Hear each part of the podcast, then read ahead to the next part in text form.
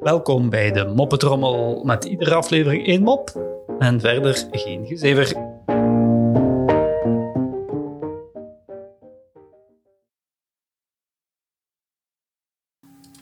Een boer neemt zijn zoon voor het eerst mee naar de grote stad. Daar bezoeken ze winkelcentrum en kijken hun ogen uit en verbazen zich over alles wat ze zien. Plots ontdekken ze twee glimmende zilverkleurige deuren die open en dicht gaan. Wat is dat? vraagt de zoon nieuwsgierig. De vader, die zoiets nog nooit gezien heeft, zegt: Zoon, ik heb zoiets nog nooit eerder gezien. Ik heb geen idee.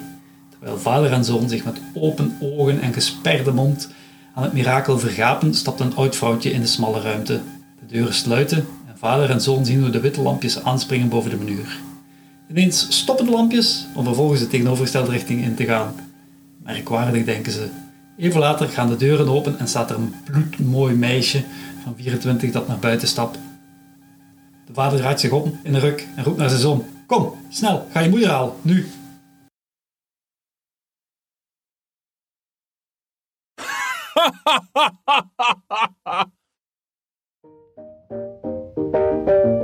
Zo, dat was de moppetrommel voor vandaag. En tot morgen.